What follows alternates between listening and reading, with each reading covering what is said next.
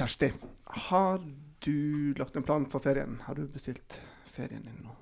Ja, omsider så har vi fått gjort det. Eh, vi havna i Spania. Mallorca. To, to små barn, vet du. Det er helt ypperlig, det.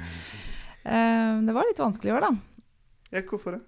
Nei, jeg hadde jo, hadde jo lyst til å prøve noe annet. Men eh, det var liksom en del reisemål jeg rett og slett ikke turte å, å bestille til.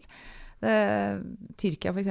hadde veldig lyst til å prøve nå. Det er vakkert og Jeg har vært der en gang før, og nå ta med barna. Men det, og rimelig var det nå, da, selvfølgelig, fordi at det er veldig mange som ikke tør å dra dit, tydeligvis. Men eh, nei, jeg klarte ikke helt å bestille dit, så det Hvorfor det? Er ja, vi vet jo alle at det har eh, skjedd mye i Tyrkia. Terror, og det er uh, urolige tilstander. Alt kan skje. Og ja, så blir dette her en snakkis om at uh, Tyrkia er skummelt, da, ikke sant. Og så ble jeg liksom en av de som lot frykten styre. Viten og snakkis. snakkis. Pod -pod Podkast fra Joa. Viten og snakkis. Det er jo akkurat det vi skal snakke om i dag. Den der eh, frykten for alt som skjer. Eh, jeg heter Halvard Lavoll, og du som hører på, er velkommen til en ny episode av podkasten Viten pluss snakkis. Eh, og med oss som gjest i dag så har vi Lars Gule. Velkommen. Takk. Kjersti sa at hun var litt Hun torde ikke å booke tur til Tyrkia. Hun er ikke alene om det, er hun det? Nei, det er hun vel ikke. Det er eh, mange som påvirkes av eh, meldingene om eh, terror. Og da lar de denne usikkerheten, eller til og med frykten, styre og bestemme valgene de gjør. På mange måter så er det ganske rasjonelt. Er det noe du er redd for, så prøver man jo å unngå det. Men man prøver å minimere trusler og farer mot seg og pårørende. Det er, det er ikke noe vanskelig å forstå det. Men spørsmålet er er det grunn til å være redd. Er frykten velbegrunnet i den forstand at ja, men det er en fare der som kan ramme meg med en viss grad av sannsynlighet? Og Hvis vi stiller spørsmålet på den måten, og knytter det opp mot terror, så er svaret nei. Sjansen for at eh, du eller jeg, eller noen vi kjenner, skal rammes av terror, den er veldig, veldig liten. Så det er ganske trygt å reise til Tyrkia likevel, vil du si? altså. Ja, i aller høyeste grad. Det er et vakkert land. Det er mye å undersøke og se og oppleve i Tyrkia. Så det er egentlig ganske trist at uh, terroristene oppnår noe av sin hensikt, nemlig bl.a. å undergrave den tyrkiske økonomien ved å skape frykt hos turister, slik at de avstår fra Tyrkia som reisemål. Men det er jo sånn at eh, det er eh, Du sier at det er eh, Ja, det er trygt. Det skjer ikke Altså sannsynligheten er ikke så stor for at det skal skje noe, men det er jo større sannsynlighet for at det skjer noe i enkelte deler av verden enn andre. Ja, men den økte sannsynligheten, den er forsvinnende liten. Eh, Det må nesten de som er gode i matematikk og sannsynlighetsberegninger svare mer presist på. Men jeg er helt sikker på at vi snakker om en forsvinnende eh, liten forskjell på Volda eller Alanya eh, når det gjelder trusselen eller risikoen da, for å rammes av terror. terror. Så til alle de som sitter og tenker på hvor de skal dra på ferie og hvor de har lyst til å reise, så vil du nå si at det, det er ingen steder som, er, eh, som man bør unngå? Nei, man bør undersøke og være rasjonell i sin vurdering. Og da kan man spørre seg er det helsemessig trygt? Er det sykdom? Nå vet vi f.eks. at en del land i Øst-Europa har meslingepidemier. Og da ber jo våre helsemyndigheter eh, oss om å vaksinere også små barn før vi drar dit. Det er en fornuftig måte å begrense en mulig konsekvens på. På samme måte så er det mange som vurderer er det, hvis jeg drar til New York på ferie, hvor er det det er trygt å gå om kvelden? Og det er også en rasjonell måte å vurdere sin egen sikkerhet på. Fordi vi vet alle at det er enkelte områder som er mer utsatt enn andre. Og det kan tenkes at det er visse områder i verden som er mer utsatt for krig, jordskjelv, trafikkulykker osv. Og, og da er det fornuftig å ha tenkt igjennom dette. Når du tegner din reiseforsikring, når du vurderer på hvilken måte du skal reise. Skal jeg haike? Kanskje er haiking ikke det lureste du kan gjøre i Midtøsten, hvor trafikkulturen er ganske skremmende. Mm. Men å reise til Tunisia eller til Egypt eller til Jordan med fly, det er veldig trygt. Men det er jo noen, eh, sånn som du var inne på nå, det er jo noen steder hvor, hvor, eh, som er mer utsatt enn andre. Hva er måte, et typisk terrormål, da? Nei, Det finnes ikke noe typisk terrormål.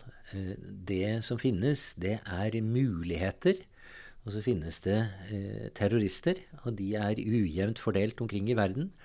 Og i den grad de aktiverer seg for å gjøre noe, så vil de lete, ofte lete etter mål som handler om eh, offentlige institusjoner, eh, sentrale personer. Dette er mål som i dag er ganske godt beskytta. Og da blir det neste på lista til terrorister det blir ofte såkalte myke mål, dvs. Si store folkeforsamlinger. Og det kan være på konserter, slik som vi så i eh, Manchester. Men det kan også være andre steder hvor det samles mange folk. Jernbanestasjoner, busstasjoner, T-banen og lignende. Og dette har vi jo eksempler på gjennom terrorhistorien på at har vært eh, mål for terrorister. Så hvis man går rundt og er redd, så kan det jo da være et tips å unngå å oppholde seg lenge på slike steder. Man bør altså ikke finne ut at ok, nå må jeg vente et døgn på neste tog, så jeg sitter her på jernbanestasjonen. Mm. Da er det kanskje fornuftig å gå til en kafé i nærheten eller noe sånt. Eh, og ikke oppholde seg på eh, steder hvor det er veldig mange mennesker eh, samlet på en gang. I hvert fall ikke lengre enn nødvendig. Men man skal jo huske på at muligheten for at et terroranslag skal finne sted, hvis det finner sted, det skjer på et øyeblikk. Mens du kan velge akkurat når du vil å gå på jernbanen eller på busstasjonen for å kjøpe din billett. ikke sant? Eh, og hvis man da ikke er der veldig lenge, så har man igjen eh, redusert en allerede i utgangspunktet svært liten risiko. Mm. Er vi mer engstelige nå for type terror enn det vi har vært før? For jeg, jeg har sett statistikk Eh, eller noen som skriver at, at eh, det var flere som døde av terrorting eh, mellom 70 og 90 enn året etterpå. Men er vi mer nervøse nå enn vi var før, når bombene herja i, i England og Europa? Jeg vet ikke. For jeg har ikke sett at noen har gjort undersøkelser om hvor utbredt frykten var på 70-tallet, og hvor utbredt den er i våre dager. Det vi ser, det er at en del kommentatorer, eh, og ikke minst i sosiale medier, som vi ikke hadde på 70-tallet, så skrives det mer, og så pekes det på at det er forferdelig, og dette er jo en krigssituasjon, og dette er helt grusomt. Men den konkrete realiteten er at det er det ikke. Det er eh, ikke en større fare. Den har økt bitte lite grann, eh, fordi vi har hatt flere terroranslag nå etter eh, 2011-2012. Sånn at De siste årene så har vi sett en økning i islamistisk eh, terror. Og det er bekymringsfullt i aller høyeste grad. Men det er altså ikke slik at eh, trusselen mot den enkelte av oss har økt særlig mye av den grunn. Men dette med at det kommenteres så ivrig, er selvfølgelig med på å forsterke den individuelle fryktfølelsen. Mm. Men sier du egentlig nå altså hva er, eller, hva er grunnen, tror du, da, at det er eh, flere anslag nå de siste to-tre årene, sånn som du beskrev nå? Det henger jo sammen med utviklingen i Midtøsten, og særlig utviklingen av den såkalte islamske staten. Eh, det henger sammen med at de etablerte sitt kalifat. De har oppfordret folk til å støtte dem. Og de har oppfordret alle som kan, til å angripe dette kalifatet, denne islamske staten, sine fiender. Kan du ikke delta i kampene som fremmedkriger i Syria og Irak, så skal du slå til i hjemlandet ditt eh, mot alle fiender av eh, islam i eh, IS sin utgave av islam. Og det er alle andre mennesker enn IS-folk, det. Så dermed så er oppfordringen veldig generell. Og det vi har sett, det er at med direkte bakgrunn i planlegging i Syria, så har det blitt gjennomført eh, anslag. Hjemvendte fremmedkrigere har vært involvert. Og så har vi stadig flere, og det kommer en ny rapport fra, eh, fra PST nå i disse dagene, som eh, har gjort en analyse av de stadig flere angrepene som er gjennomført av soloterrorister, særlig i, eh, i eh, Europa. Og, eh, men ikke bare i Europa. og i sum så har dette ført til en viss økning. Og så kommer da mediedekningen i tillegg, som synes å være mer omfattende. Og den er mer omfattende fordi vi har flere medier. Så selv om NRK og Danmarks Radio og Sveriges Radio dekte terror på 70-tallet, og avisene selvfølgelig også gjorde dette, så har vi i dag flere nyhetskanaler. Og vi har de internasjonale kanalene som er tilgjengelige for oss. Og vi har flere eh, nettmedier. Ikke sant? Altså, ikke bare har vi papirutgavene av Aftenposten og Dagbladet VG, som kommer dagen etter at noe har skjedd, men de er på nett med kontinuerlig, så å si fra minutt til minutt, oppdatering. Og så finnes det jo bare nettmedier, ikke sant. Og på toppen av det hele så kommer altså Facebook og en uhorvelig mengde med sosiale medier som gjør at vi får en vegg-til-vegg-dekning av disse hendelsene som vi ikke har sett uh, før. Men er det da en nærmest en inspirasjons, ekstra inspirasjonskilde for terroristene. At de vet at når de setter i gang noe, så vil det nærmest bli dekket uh, altså direkte, omtrent? Ja. Uh, men her har det også skjedd en viktig endring i terrorismens innhold. På 70-tallet så var de som gjennomførte terror, de brukte det som et virkemiddel. De brukte det som en måte å kommunisere et budskap på. Palestinerne gjennomførte terror for å si 'se, her er vi'. Vår sak har ikke funnet en løsning. IRA brukte terror for å presse britene. Det var ikke om å gjøre å drepe flest mulig, men det var om å gjøre å skape oppmerksomhet om eh, den nordirske saken, republikanernes eh, sak, og å presse britene. Mens eh, jihadister eh, som driver terror i dag, de gjennomfører en hellig krig. Og det betyr at det er en selvstendig målsetting, oppmerksomhet eller ikke oppmerksomhet, å drepe fienden. Å skade fienden. At man i tillegg får oppmerksomhet, og at man i tillegg innjager frykt, det er en kalkulert og tilsiktet bieffekt. Men det er ikke hovedhensikten å få oppmerksomhet. Hovedhensikten er faktisk å gjennomføre den hellige krigen. Fordi det er det man mener seg å være pålagt. Det er det man mener seg å ha en plikt til å gjøre. Men tenker altså, Sånn som du beskriver det nå, det er jo altså, den grunnleggende liksom, ideologien til IS, f.eks.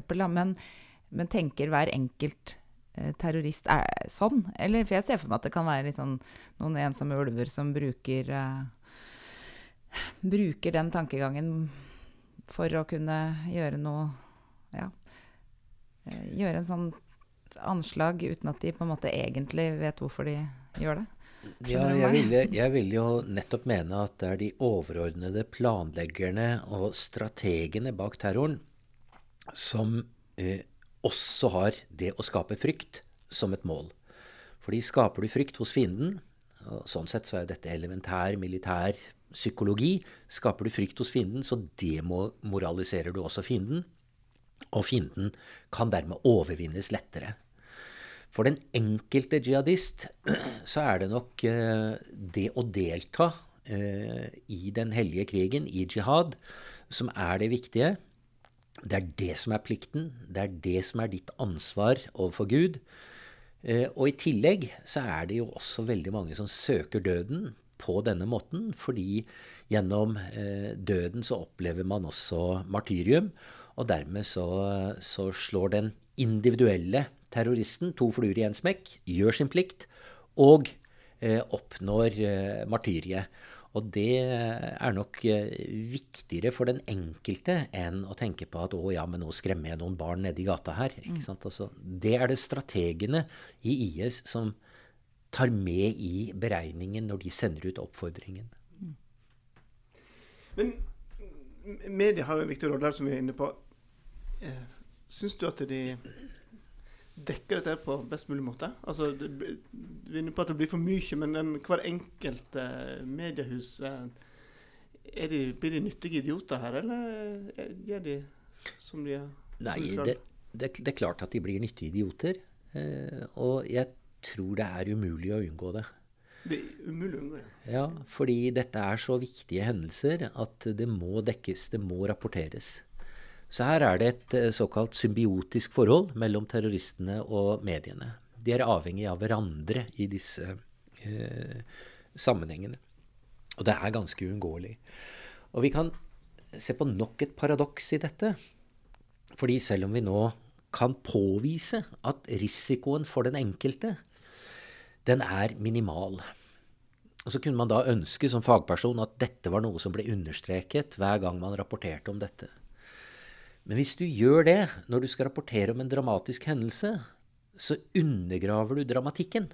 Ikke sant? Og så det er jo nettopp fordi at dette er farlig, fordi det kan ramme hvem som helst, når som helst, hvor som helst, at dette er en spennende, en dramatisk historie å fortelle. Du har altså et narrativ som krever at du vektlegger det dramatiske. På akkurat samme måte som når du forteller et skremmende eventyr til barn. Ikke sant? Da er det jo fordi at barnet skal kjenne på den følelsen. Altså når vi forteller eventyr til barn, skumle eventyr om troll og hekser, så er det jo ikke for å skremme livet av barn, men det er for at de skal få en bestemt type opplevelse. Og noen ganger så blir barn så redde at de begynner å gråte, og da må vi fortelle ja, men det er ikke sant. Da, må vi, da må vi ødelegge narrativet. Vi må rett og slett fjerne eventyret og si at det var bare tull. Ikke sant? Men hvis du gjør det når du forteller en sann dramatisk historie, så forsvinner jo også dramatikken ut av den historien. Og da er vi på linje med trafikkulykke. ikke sant? Altså, alle vet at det er dramatisk for de involverte, men det har ikke rammet meg, og jeg kjører forsiktig, og jeg kjører ikke på den motorveien. og så, ikke sant? Da har man et helt annet og avslappet forhold til det. Det nytter ikke å dramatisere det. Og Derfor så legger jo man også mye større vekt på personal touch, tragedien for ofrene, de pårørende. Det er det som er fokuset i trafikkulykker. Mens når det gjelder terror, så er det nå kan noe skje. Det kan komme en eksplosjon til. Det kan bli skutt noen fler. Ikke sant? Altså, det er hele tiden der. Når du har sånn 24 timer i døgnet, en uke i strekk, så er det jo fordi at det kan skje mer av det samme som kan ramme kanskje deg, hvis du beveger deg til London eller Manchester eller til Stockholm. ikke sant? Så, så her er det noe helt uløselig og paradoksalt i selve situasjonen som må formidles, fordi det er dramatisk. Men selve dramatikken i historien er nettopp det som understreker og skaper frykten, og dermed gjør at uh, mediene blir plattform, mikrofonstativ, for uh, ekstremistene og, og terroristene. Og, det, og, jeg sier ikke dette fordi at liksom, ja, men slutt å rapportere. Det går ikke. Det skal rapporteres. Men det er viktig å ha en kritisk holdning til hvordan man rapporterer. Jeg har heller ikke fasitsvar på det, dessverre. Men i alle fall så kan jeg sende oppfordringen til mediene om en kontinuerlig kritisk vurdering av hva det er de gjør. Og kanskje tenke på om det er nødvendig å dekke det så komplett, altså eh, 24 timer i døgnet. Særlig når det ikke skjer noen ting. Men da er det kanskje med eh, konsumer bør bli rett og slett flinkere til å skru av? Altså jeg må, jeg må si at jeg, jeg, jeg kjente det sjøl da jeg våkna om morgenen eh, med Manchester-angrepet. jeg bare fulgte ikke nyhetene kvelden. Fikk ikke det før på morgenen jeg sto opp og ser, skjønte tegninga, og valgte det med å ikke lese nyhetene på en god del timer, bare for å slippe den teppet, mm. Jeg føler det på akkurat samme måten. Og det er det jeg også tenker litt sånn fordi at det skjer så ofte nå at man eh, Det er jo grenser for hvor mye man kan ta innover seg. Og så har man jo barn, ikke sant. Du sier Vi kan jo ikke bare skru av og fjerne det narrativet, for det er jo det, er, det skjer jo, ikke sant. Men samtidig så skal du jo snakke med barna dine, og vi skal opprettholde et hverdagsliv. Og det er jo en kjempeutfordrende situasjon. Og, så, og noen ganger så velger jeg rett og slett vekk, og så føler man seg forferdelig egentlig som menneske at man liksom ikke bryr seg. Men, men hva slags tanker har du om hvordan skal man liksom overleve i, i hverdagen nå, da, når, når, det er blitt en del av hverdagen? Eh, hvordan Har du noen tanker om det? Ja, og det er, eh, ja, det er noen som har mer erfaring med grusomhet og fare enn andre, og det er de som har opplevd krig. Og britene har det. Og de har, de har på mange måter det, altså, det kan være mange grunner til dette, men den holdningen de utviklet under blitsen, under annen verdenskrig, med dette uttrykket 'keep calm and carry on', det er ikke noen annen måte. Altså, det er ingen som har funnet på noen bedre måte. Britene kom igjennom blitsen, de kom igjennom annen verdenskrig. Eh, de kommer igjennom terror. Og det interessante er at det gjør vi også. 11. Eh, unnskyld, 22. juli eh, hos oss 2011 eh, var en opplagt traumatisk hendelse. Og likevel så var vårt samfunn på ganske kort tid i stand til å gå videre. På den ene siden så hadde vi de teknisk-praktiske løsningene. altså Omtrent 1500, mellom 1500 og 2000 byråkrater sto uten kontorplass da de skulle på jobben på mandagen. Og i løpet av noen få dager så var de på plass. De var flytta inn hos frivillige organisasjoner, på hoteller, det var improvisert. Kort sagt, det, den rent administrative, administrative strukturen absorberte det voldsomme slaget i regjeringskvartalet. Og så hadde vi da de emosjonelle prøvelsene som hver og en av oss ble utsatt for, og noen i større grad enn andre, som hadde tettere forbindelser til Utøya, til personer som var der, som ble drept, som overlevde, osv. Men også dette kom vi igjennom. Og vi håndterte det på en utrolig anstendig måte gjennom et rettsoppgjør med terroristen som det stadig vekk står respekt av. Så denne forestillingen med at vi ikke klarer det, og vi går rundt og er redd osv. Nei, det er ikke sant. Det er også noe som en del i mediene, ikke alle, men en del bruker mediene til å påstå dette. Men det er jo ikke sant. Fordi vi absorberer selv de grusomste hendelser, slik britene gjorde under, eh, under blitsen. Kept calm and carried on. Mm. Men hvis du skal tenke litt framover i tida, hvordan tror du at Tror du det kommer bare til å fortsette å, på denne måten i årevis framover, eller? Ja.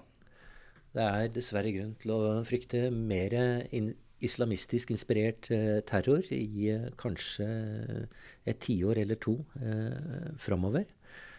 Det henger sammen med mange ting, men ikke minst så henger det sammen med utviklingen i Midtøsten. Og så henger det sammen med eh, i hvilken grad vi er i stand til å gjennomføre god integrering av eh, folk med innvandrerbakgrunn, og ikke minst da unge muslimer. Eh, for der er det en, en, en pol av frustrasjon eh, å trekke på for ekstremistene og terroristene. Så det må vi gjøre noe med. Men det er det også mulig å gjøre noe med. Det betyr ikke at uh, trusselen all terror blir borte men, og det å ha en nullvisjon her er ganske utopisk. Eh, men at vi kan redusere det kraftig, det er jeg ikke i tvil om. Men det vil, men det vil ta tid. Det som er den største faren, det er at de som skriker høyst om at dette er så forferdelig farlig, og dette må få konsekvenser, og som dermed påvirker politikere, beslutningstakere, slik at vi innfører stadig strengere kontroller, tøffere lovgivning. Eh, det er det som vil forandre vårt samfunn. Og det er det som forandrer samfunnet i større grad og reduserer vår frihet i større grad enn eh, de faktisk relativt få eh, terrorhendelsene vi blir utsatt for vi får tenke på statistikken. Jeg vet ikke hva han Tom skal si. Det er vanskelig å, å, fjerne frykten helt, for det er jo på en måte man det er vel, Jeg har tenkt på det sånn som når du sier at uh, keep calm and carry on, og hvordan samfunnet takler det. Men til syvende og sist så er det jo den der rent personlige frykten som For alle liksom setter seg inn i en situasjon og mister noen som står deg nær. Én ting er å, å si, være midt oppi det sjøl, men det er liksom den frykten som jeg, ja, kanskje jeg kjenner på mest. At det skal ja, skje noen man kjenner. Men uh, ja. Halvard, hva skal vi si? Eh, jeg, jeg, kan jo avslutte med å, å, å, spørre om du har tatt hensyn til uh, dette her når du har planlagt uh, ferien din i år, Lars? Ja, jeg drar til fjells. Sjølforsynt med mat og vann. Nei, jeg eh, har faktisk ikke tenkt det i det hele tatt. Og i denne uka her skal jeg til uh, Stockholm uh, og ha en dag uh, der. Og jeg tror ikke det er noen som helst grunn til å frykte et slikt opphold. Heller ikke om jeg skulle finne på å dra til London i løpet av sommeren. Skal vi ta det som en betryggende avslutning? Vi gjør det. Vi gjør det. Lars, tusen takk for at du ville komme på besøk til uh, Viten og snakks-podkasten. Så får du ha en god, god sommer. Og Takk i like god- måte. God ferie til alle dere der ute. Viten og snakkis. snakkis. Pod -pod Podkast fra Joa. Viten og snakkis. snakkis.